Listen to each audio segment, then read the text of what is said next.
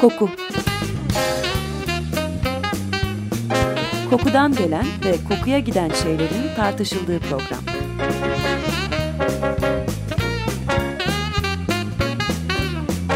Hazırlayan ve sunan Vedat Ozan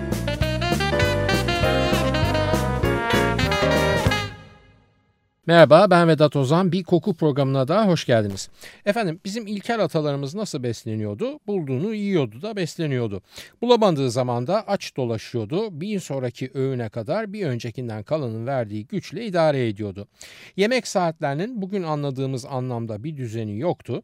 Ayrıca öğünler de sabah, öğle ve akşam olmak üzere üçle sınırlı değildi. Yiyeceğin peşinden bütün aile veya klan orası senin burası benim dolaşıyordu. Yiyeceğin olduğu yer konak olmadığı yerde yol oluyordu. Sonra yerleşik düzene geçmeye başladık ve düzenli tarım geldi. Geldi ve atalarımızın hayatlarına kattığı yenilikler sadece avantajlar değil aynı zamanda dezavantajlar da oldu elbette.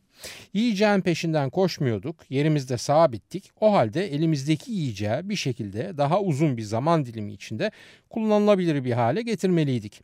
Fermentasyon, tütsüleme, kurutma ve onlarca değişik yöntemi bilinçli veya bilinçsiz olarak hayatımıza soktuk. Zamanın içinde koca adımlarla atlayarak bugüne yaklaşırsak gün geldi ki artık yalnız yerimizde sabit olmakla kalmayıp mutfaklarımızın içinde soğutuculara da yer verir olduk.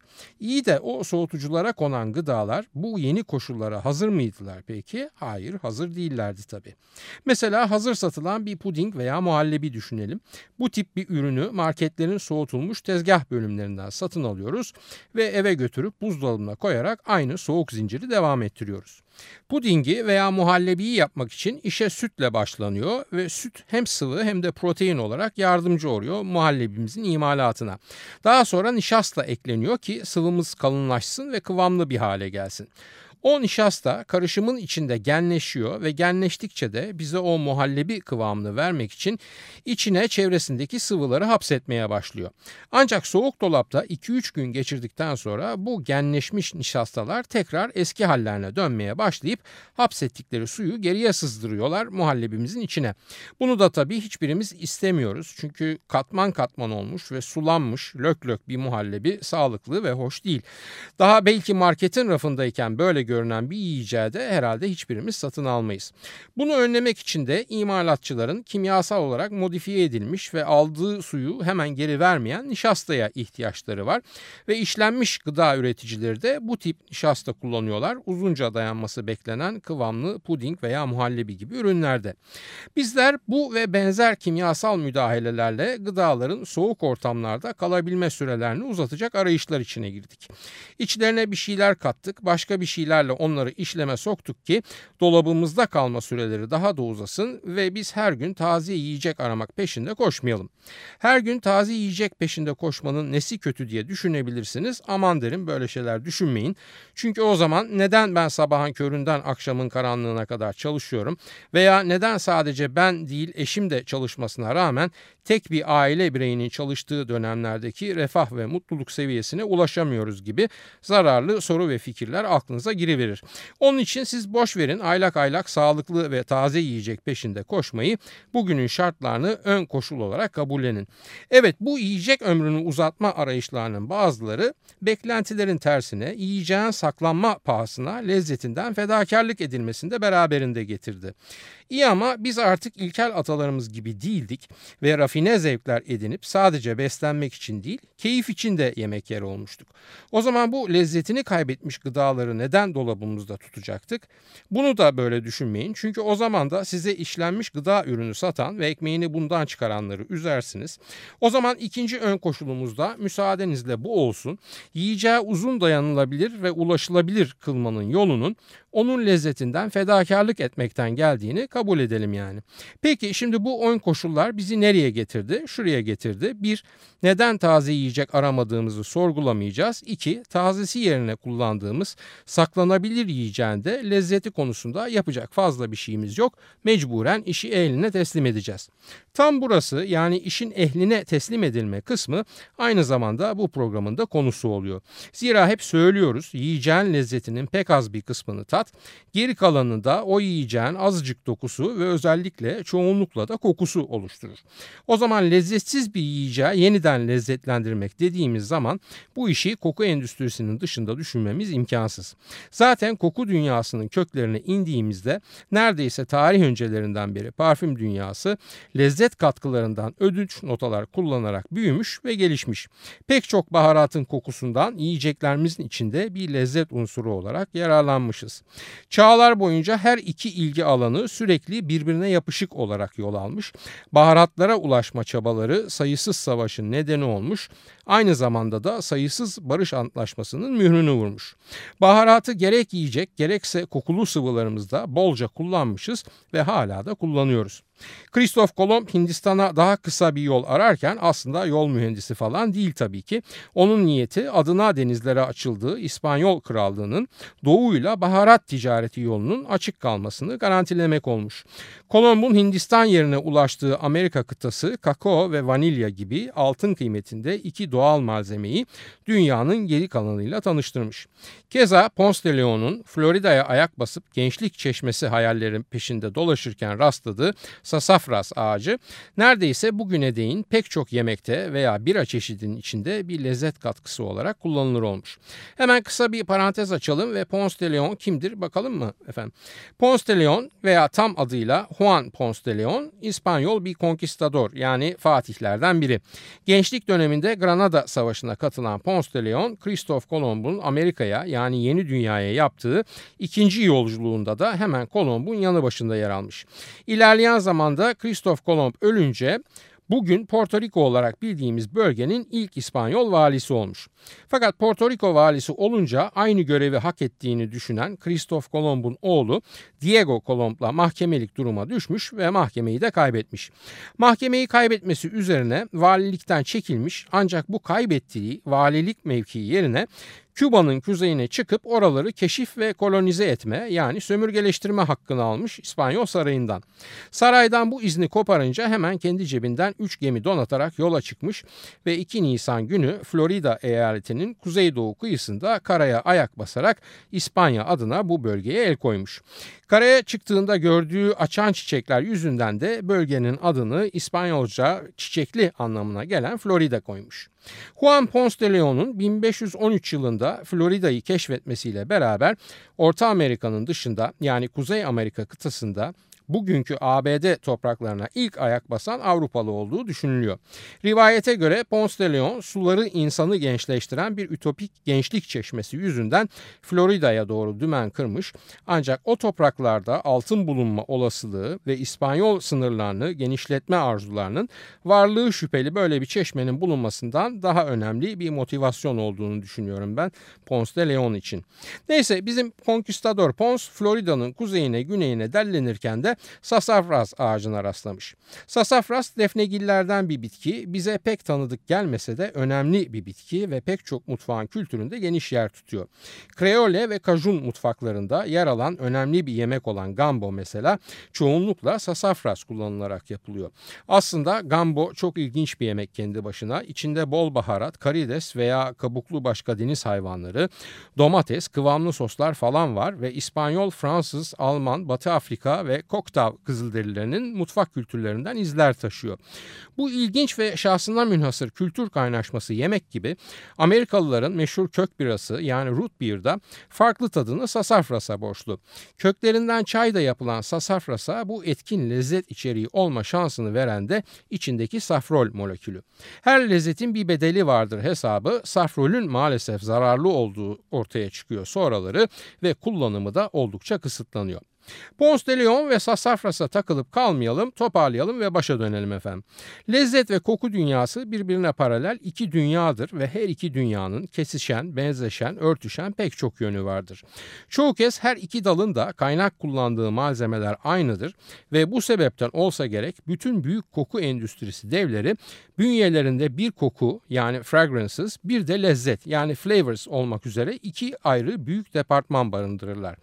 Koku sektörünün en önemli dergilerinden birinin adı bile Perfumer and Flavorist yani kokucu ve lezzetçi ismini taşır. Devam edelim. Parfüm dünyasının ilk iki sentetik molekülü diye bildiğimiz vanilin ve kumarin ilginç bir şekilde lezzet dünyasında parfüm dünyasından çok daha geniş yer bulurlar. Çok kısa bahsedeceğim ikisinden de çünkü aslında mesela vanilya tek başına bir program hak eden bir konu. Vanilyaya esas karakterini veren içindeki vanilin isimli bileşim.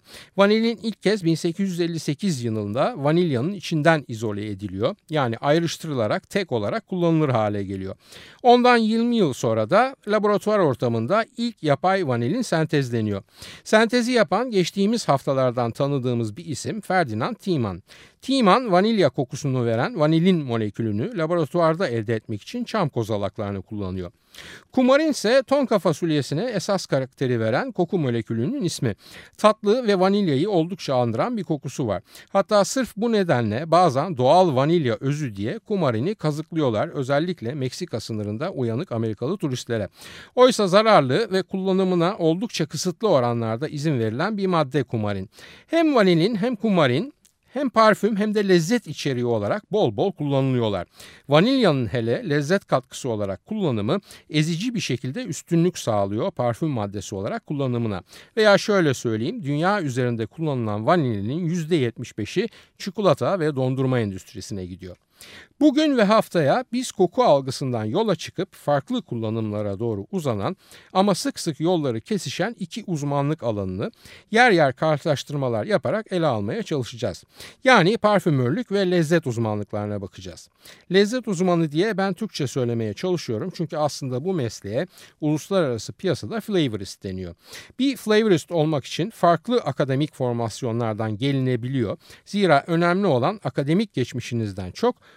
o mesleğin içinde geçirdiğiniz zaman ve deneyim. Ne demiştik efendim ilk başta? İki ön koşulla beraber gıdalardaki lezzet katkılarını kabul etmeye mecbur kalıyoruz. Öncelikle neden tazeyi yiyemiyoruz diye sorgulamayacağız. İkinci olarak da bayatı taze gibi yiyebilmek için üzerine lezzete dönük bazı müdahaleler yapılması gerektiğini kabulleneceğiz. Ama olur da bu lezzet katkıları da kendi içlerinde ön koşullar dayatırlarsa o zaman işler iyice içinden çıkılmaz hale gelmez mi? Bir kısa müzik arasından sonra bu karmaşık içinden çıkılmaz hale gelmelere bir örnek göreceğiz. Şimdi efendim Creedence Clearwater Revival Band'den dinliyoruz Up Around the Bend. sinking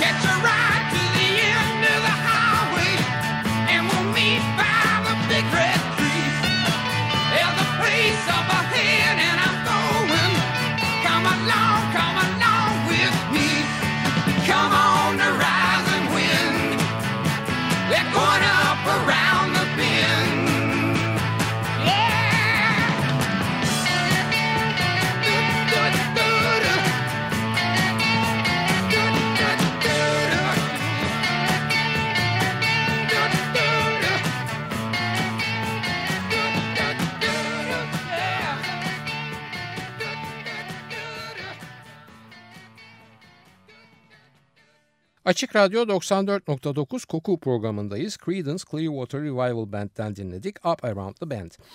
Dünyayı uygarlaşma adına öyle bir hale getirdik ki yiyeceklerin ve kokuların içinde kullandığımız doğal malzeme artık ulaşılamayacak kadar nadir ve pahalı. Ulaşılabilenlerse uzun saklama koşullarına uygun modifiye edilmek zorundalar. Yani yiyeceklerin içine lezzet katkılarını olduğu gibi bütün halleriyle koyamıyoruz. Onların ya doğal ekstralarını elde etmeliyiz ya da doğala özdeş hallerini üretip gıda maddelerinin içinde koku algımız üzerinden o lezzetlere ulaşma amacıyla kullanmalıyız. İyi de hiç beklemediğiniz ve aklınıza gelmeyen sebeplerden bazen bu mümkün olamıyor. Daha doğrusu üretilmesi mümkün oluyor da tüketilmesi için çekinceler doğuyor. Kişiye ve inanışa göre değişkenlik gösteren bu çekincelere bir örnek verelim mi? 2007 yılında Danimarka'da yaşayan bir Türk hanım İslami bir siteye bir mektup gönderiyor ve hep beraber şimdi bu mektubu dinliyoruz. Selam. Geçenlerde tevafuken rastladığım bir mesele üzerine yoğunlaşmam beni derin bir araştırmaya yöneltti. Ben yurt dışında yaşıyorum ve elimden geldiğince gıdalardaki helal harama dikkat etmeye çalışıyorum. Hatta o kadar ki bu hususta dini hassasiyeti olan arkadaşlar dahi artık abartıyorsun diyorlar. Nitekim bu son meselede yine böyle oldu. Mevzu neredeyse bütün çikolata, bisküvi, ve dondurmalarda bulunan vanilin, vanilya aroması veya etil vanilin ile ilgili. Normalde çikolatanın üzerinde vanilin veya aroma yazdığında bir şey olabileceği aklıma gelmezdi. Fakat öğrendim ki her ne kadar ürünlere direkt alkol konulmasa da içine konulan aroma veya vanilin öncesinde etanol yani etil alkol ile işlem görüyormuş. Hepsi böyle olmasa da böyle olma ihtimali var. Birçok üreticiye mail attım. Unilever, Kraft Foods, Master Foods, Nestle, Balsen vesaire. Kiminden tamamen sentetik, toz halinde vanilin yani etil alkolle işlem görmüyor diye cevap geldi. Kiminden ise muğlak ifadelerle açıklama yapan mailler geldi. Artık üzerinde aroma, vanilin, vanil aroma ya da herhangi bir aroma yazan bir şey almıyorum. Önce araştırıyorum. Fakat bu çok zor oluyor. Hadi ben neyse dikkat ederim. Çok sevdiğim halde yemem. Çünkü burada sizin bahsettiğiniz helal hassasiyeti olan üreticiler maalesef yok veya yaygın değil. Fakat çocuğu olan arkadaşlar için bu mevzu çok zor. Diğer arkadaşları dondurma yerken onlar yiyemeyecek. Çikolatayı yerken onlar yiyemeyecek.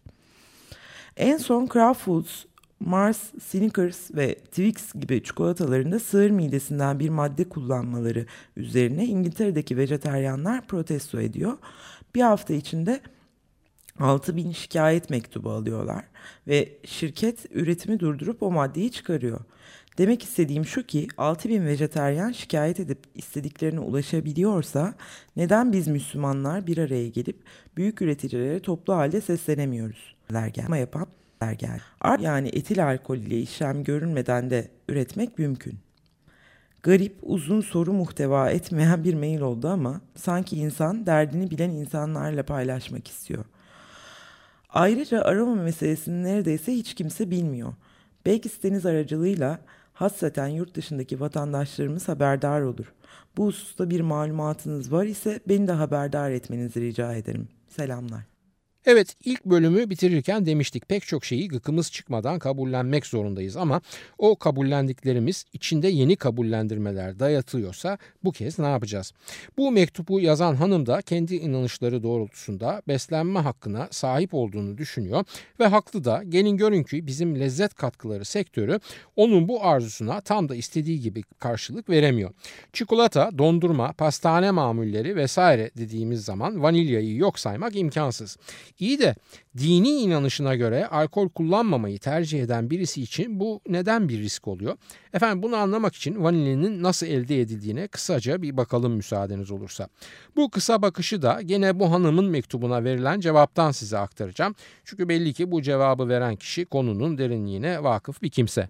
Bugün bu sektörlerde kullanılan koku verici aromalar ekseriyetle alkolle eritilmiş tabi veya sentetik esanslardan oluşmaktadır. Bir kısım İslam düşünürü alkol içinde eritilmiş aroma ihtiva eden gıda maddesinin de helal olmadığı görüşündedir. Çünkü çoğu içildiği zaman sarhoşluk veren alkol çok az da olsa bu gıda maddesine karışmıştır. Ayrıca alkol necis yani pis olarak kabul edilmiştir. Temiz bir kova suyun içerisine bir damla necaset düşse o suyu necis yapar. Diğer bir kısım İslam düşünürüne göre ise helaldir. Çünkü alkolde eritilmiş aroma ilave edilmiş gıda maddesinden az veya çok yediği zaman insanı sarhoş edecek bir şey yoktur. Vanilya bir bitki ürünüdür. Vanilya tohumundan çözücü olarak seçilmiş alkolle çıkartılır. Tohumlar ya muhafaza kabuklarıyla ya da kabuklarından çıkartılmış olarak su, alkol karışımı bir çözeltide birkaç ay bekletilir. Bu esnada tohum içindeki vanilya aroması çözeltiye geçer. Normal olarak alkol ihtiva eden bir eriyik içinde muhafaza edilir. Sıvı veya toz formunda kullanılır. Bir şişe vanilya ekstraktında yani özütünde deney yaparsanız yaklaşık %30 %40 oranında alkol katkı maddesini bulursunuz. Bazıları pastacılık ürünlerinde bu tip vanilya ekstraktının kullanılmasına onay veriyor. Çünkü diyorlar ki pişirme esnasında alkol buharlaşır gider. Ancak tam pişmenin oluştuğu fırın ürünlerinde alkol buharlaşır ve vanilya fırın ürünleri dışında dondurma gibi, krema gibi, meşrubat gibi, ilaç şurupları gibi pek çok ürünlerde de kullanılır. Bu ürünlerde pişme oluşmadığı veya kısmen oluştuğu için alkolün tamamı buharlaşmaz. Vanilya toz formunda da kullanılabilir.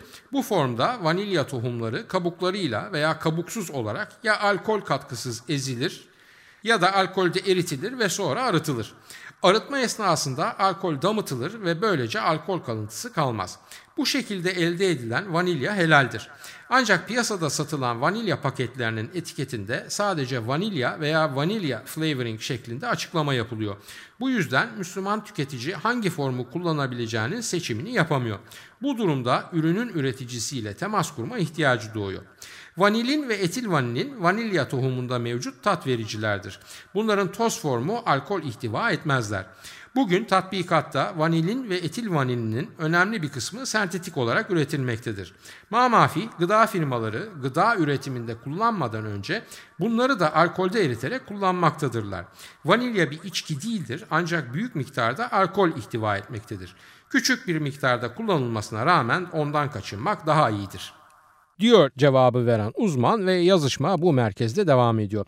Buradan sonrası bizim programımızın konusunu direkt ilgilendirmediği için alıntıyı burada kesiyorum ve ben devam ediyorum. Evet unutmayalım ki pek çok insanın hayatında dinsel inanışlar önemli bir yer tutuyor ve bunların kuralları da şekilde görüldüğü gibi endüstrinin pratiğiyle zaman zaman çelişebiliyor. Yani doğal vanilya ekstraktı kullandığınız zaman bu vanilyanın ekstre edilmesi sırasında kullanılan alkolden kaçınmak olanaksız. Yapay Yay kullandığınız zaman da bunun toz olarak işlenmiş olanını bulacaksınız ki bu da hiç kolay değil. Zira her türlü ürüne aroma katkısının iyi nüfuz edebilmesi için bir sıvının içinde çözülmesi lazım ve vanilya söz konusu olduğunda da bu sıvı alkolden başka bir şey değil. Yani haram olmasın ya da helal kalsın diyerek bisküvi, çikolata ya da her neyse o gıda ürününün endüstriyel üretiminde toz halinde yani alkolden arınmış etil vanilin veya vanilin kullanmak o kadar da kolay ve basit bir iş değil. Bu sadece vanilin için değil doğal maddelerden alkol kullanılarak çıkarılan pek çok ekstrakt veya yapay üretiminde alkol kullanılan pek çok aroma kimyasalı içinde geçerli bir durum. O zaman iki çözüm kalıyor geriye. Ya endüstri kendini bu tip tüketicilere de cevap verecek şekilde özel olarak tasarlayacak ve bu inançların pratiklerine uygun koşullarda ürünler üreterek satışa sunacak ya da bu tüketiciler bu tip hazır gıdaları tüketmekten vazgeçecekler, kendi gıdalarını üretecekler. İlkine uygun üretim yapanlar zaten bunu bir pazarlama aracı olarak kullanıyor ve hitap ettikleri pazara ulaşmak için ürünlerinin inançlara uygunluğunu öne çıkarıyorlar. Ancak gerçek o ki kendini inançlarına uygun yaşıyor zanneden pek çok kişi bu basit ayrıntıdan habersiz yani ağzına içki sürmüyor ama bisküviyi buldu mu da bu bahsettiklerimizden bir haber olarak eser miktarda da olsa alkolü lüpletmiş oluyor. Bu tip inançları olanların kendi gıdalarını üretmeleri derken şunu da bilmek lazım ki marketten alınmış vanilya tozu bunun için bir çözüm değil. Çünkü o tozda muhtemelen En iyi koşullarda seyreltilmiş halde çok az doğal vanilya ekstresi ve ilave olarak yapay üretilmiş vanilin, etin vanilin ve tabii şeker içeriyor. Geriye ne kalıyor peki? Geriye kalan bu tip inanışlarını hayat tarzına haline getirenlerin hazır gıda yerine kendi vanilya çubuklarını alarak kendi vanilyalı gıdalarını üretmeleri. Ancak vanilya satın almayı bilmesi gerekiyor tabii ki buna niyetlenenlerin. Nedir peki vanilya alınırken dikkat edilecek şeyler? Öncelikle vanilya biliyorsunuz fasulyeye benzeyen ancak ondan daha ince ve uzun bir çubuk. Yaklaşık 20 santime kadar uzun olabiliyor ve ağırlığı da 5-6 gram gibi. Satın alırken kabuğunun çok ince olmasına dikkat edilmesi gerekiyor ki içindeki çekirdeğe ve çekirdekte mevcut vanilin özüne ulaşılabilirlik daha kolay olsun. Renginin siyaha yakın koyu kahve olması ve çubuğun parmağa sarıldığında kırılmadan esneyecek bir yapıda olmasına da ayrıca dikkat etmek gerekiyor.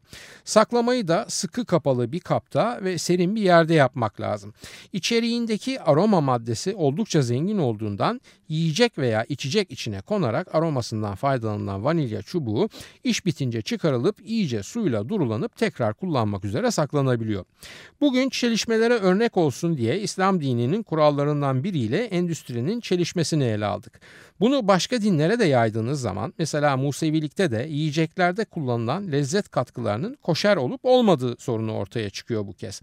Koşer tanımı için bizim Müslümanlıkta helal diye kullandığımız tanımın bir anlamda iz düşümü diyebiliriz. Yani dinen kullanımında sakınca olmayan maddeler ve bunların kaynak ve elde edilme yöntemlerinin sonuçları etkisi. Evet bizden bu kadar ve bundan ötesi artık din adamlarının işi diyerek bugünkü programımızı bugünlük burada kapatıyoruz efendim. Haftaya gene lezzet uzmanları konusuna devam etmek üzere hoşçakalın diyorum. Soru, öneri ve eleştirileriniz için e-posta adresimiz kokuprogrami.yahoo.com Bu programımızda adı geçen konulara ilişkin görselleri bu yayından hemen sonra her zaman olduğu gibi facebook.com Taksim Vedat Ozan Koku adresinde de görebilir.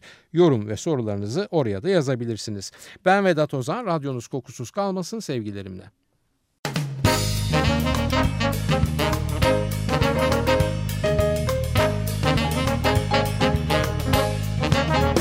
Koku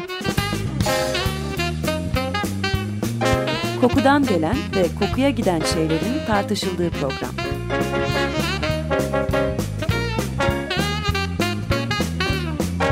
Hazırlayan ve sunan Vedat Ozan